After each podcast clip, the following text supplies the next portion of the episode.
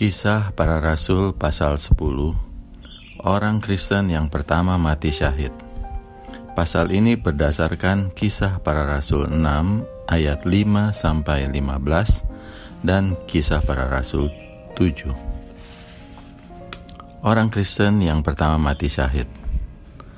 Stefanus yang terkemuka dari ketujuh diaken adalah seorang yang amat saleh dan luas imannya Meskipun ia seorang kelahiran Yahudi, ia berbahasa Yunani serta tahu betul adat istiadat dan cara-cara orang Yunani.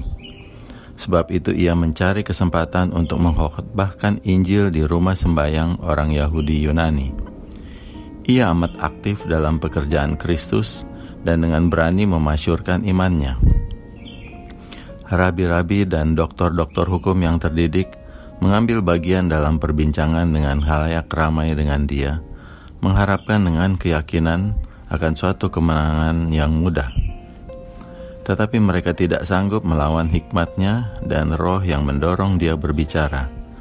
Bukan saja ia berbicara dalam kuasa roh kudus, tetapi hal itu nyata bahwa ia adalah seorang murid nubuat nubuatan dan mempelajari segala perkara berdasarkan hukum ia sanggup mempertahankan kebenaran yang dianjurkannya dan mengalahkan penantang-penantangnya.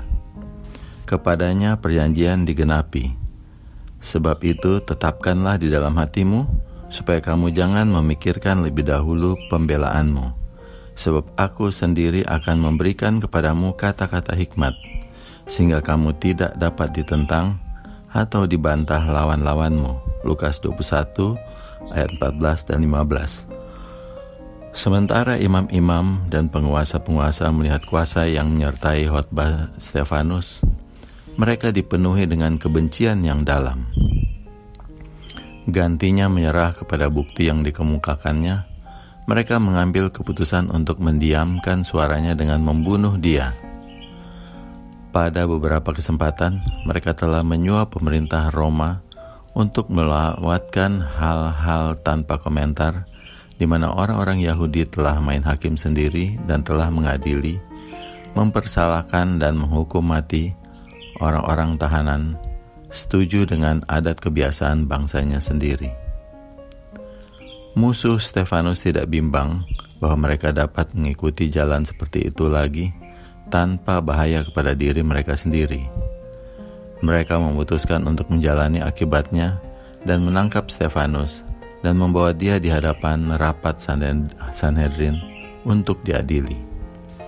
Orang-orang Yahudi yang terdidik di daerah-daerah sekitarnya dipanggil dengan maksud menyangkal alasan dari orang tahanan itu. Saul dari Tarsus hadir dan ambil bagian dalam memimpin penyelidikan terhadap Stefanus. Ia menggunakan kefasihan berbicara dan logika rabi-rabi untuk menyinggung hal ini untuk meyakinkan orang banyak bahwa Stefanus sedang mengkhotbahkan pelajaran-pelajaran yang menipu dan berbahaya.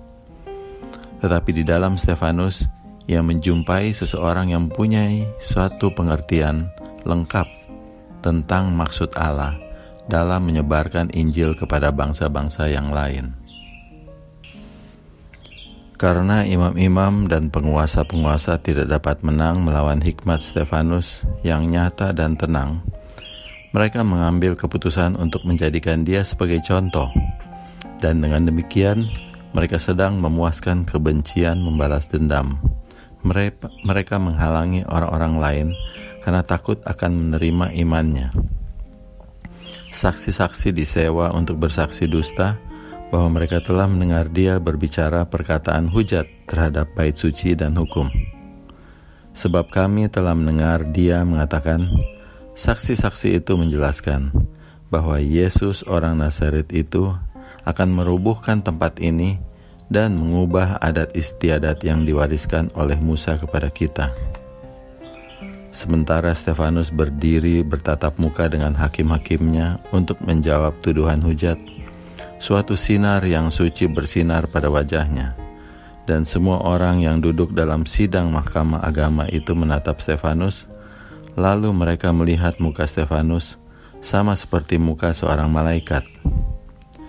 Banyak orang yang melihat cahaya ini menjadi gemetar serta menutupi wajah mereka. Tetapi sikap kurang percaya dan prasangka penguasa-penguasa tidak goyak goncang. Ketika Stefanus ditanyai mengenai tuduhan kebenaran terhadapnya, ia mulai pertahanannya dengan suara yang jelas dan menggetarkan yang bergema di seluruh ruangan pengadilan. Dalam kata-kata yang mempesona orang banyak, ia mulai mengulangi sejarah umat Allah yang suci. Ia menunjukkan bahwa melalui pengetahuan tentang kehidupan Yahudi dan tafsiran rohani tentang hal itu, sekarang menjadi jelas melalui Kristus. Ia mengulangi perkataan Musa yang meramalkan tentang Mesias Seorang nabi seperti aku ini akan dibangkitkan Allah bagimu dari antara saudara-saudaramu. Ia menjelaskan kesetiaannya sendiri kepada Allah dan kepada iman orang-orang Yahudi, sementara ia menunjukkan bahwa hukum yang dipercayai demi keselamatan tidak sanggup menyelamatkan Israel dari penyembahan berhala. Ia menghubungkan Yesus Kristus dengan seluruh sejarah Yahudi ia menunjuk kepada pembangunan bait suci oleh Salomo dan kepada perkataan Salomo dan Yesaya. Tetapi yang maha tinggi tidak diam di dalam apa yang dibuat oleh tangan manusia, seperti yang dikatakan oleh Nabi. Langit adalah tahtaku, dan bumi adalah tumpuan kakiku. Rumah apakah yang akan kamu dirikan bagiku? Demikianlah firman Tuhan tempat apakah yang akan menjadi perhentianku?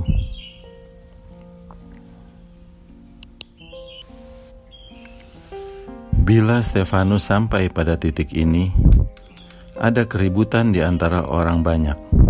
Bila ia menghubungkan Kristus dengan nubuatan-nubuatan dan berbicara seperti yang diucapkannya tentang bait suci, imam yang pura-pura terharu mengoyakkan jubahnya.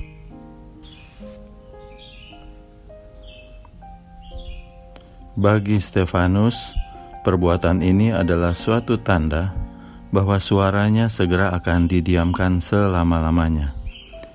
Ia melihat perlawanan terhadap perkataannya dan mengetahui bahwa ia sedang menyampaikan kesaksiannya yang terakhir. Meskipun pada pertengahan khotbahnya dan dengan segera ia mengakhirinya. Tiba-tiba terpisah dari rentetan sejarah yang sedang diikutinya, dan berbalik kepada hakim-hakim yang marah, ia berseru, Hai orang-orang yang keras kepala dan yang tidak bersunat hati dan telinga, kamu selalu menentang roh kudus, sama seperti nenek moyangmu.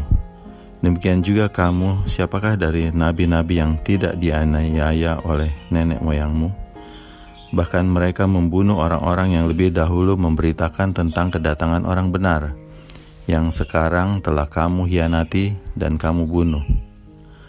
Kamu telah menerima hukum Taurat yang disampaikan oleh malaikat-malaikat, akan tetapi tidak kamu menurutinya. Mendengar hal ini, imam-imam dan penguasa-penguasa menjadi sangat marah. Mereka bertindak baikkan mangsa binatang buas lebih daripada manusia. Mereka menyerbu Stefanus sambil menggertakkan gigi mereka. Dalam wajah-wajah yang menakutkan sekelilingnya, orang penjara membaca nasibnya, tetapi ia tidak goncang. Baginya, takut akan kematiannya sudah lenyap.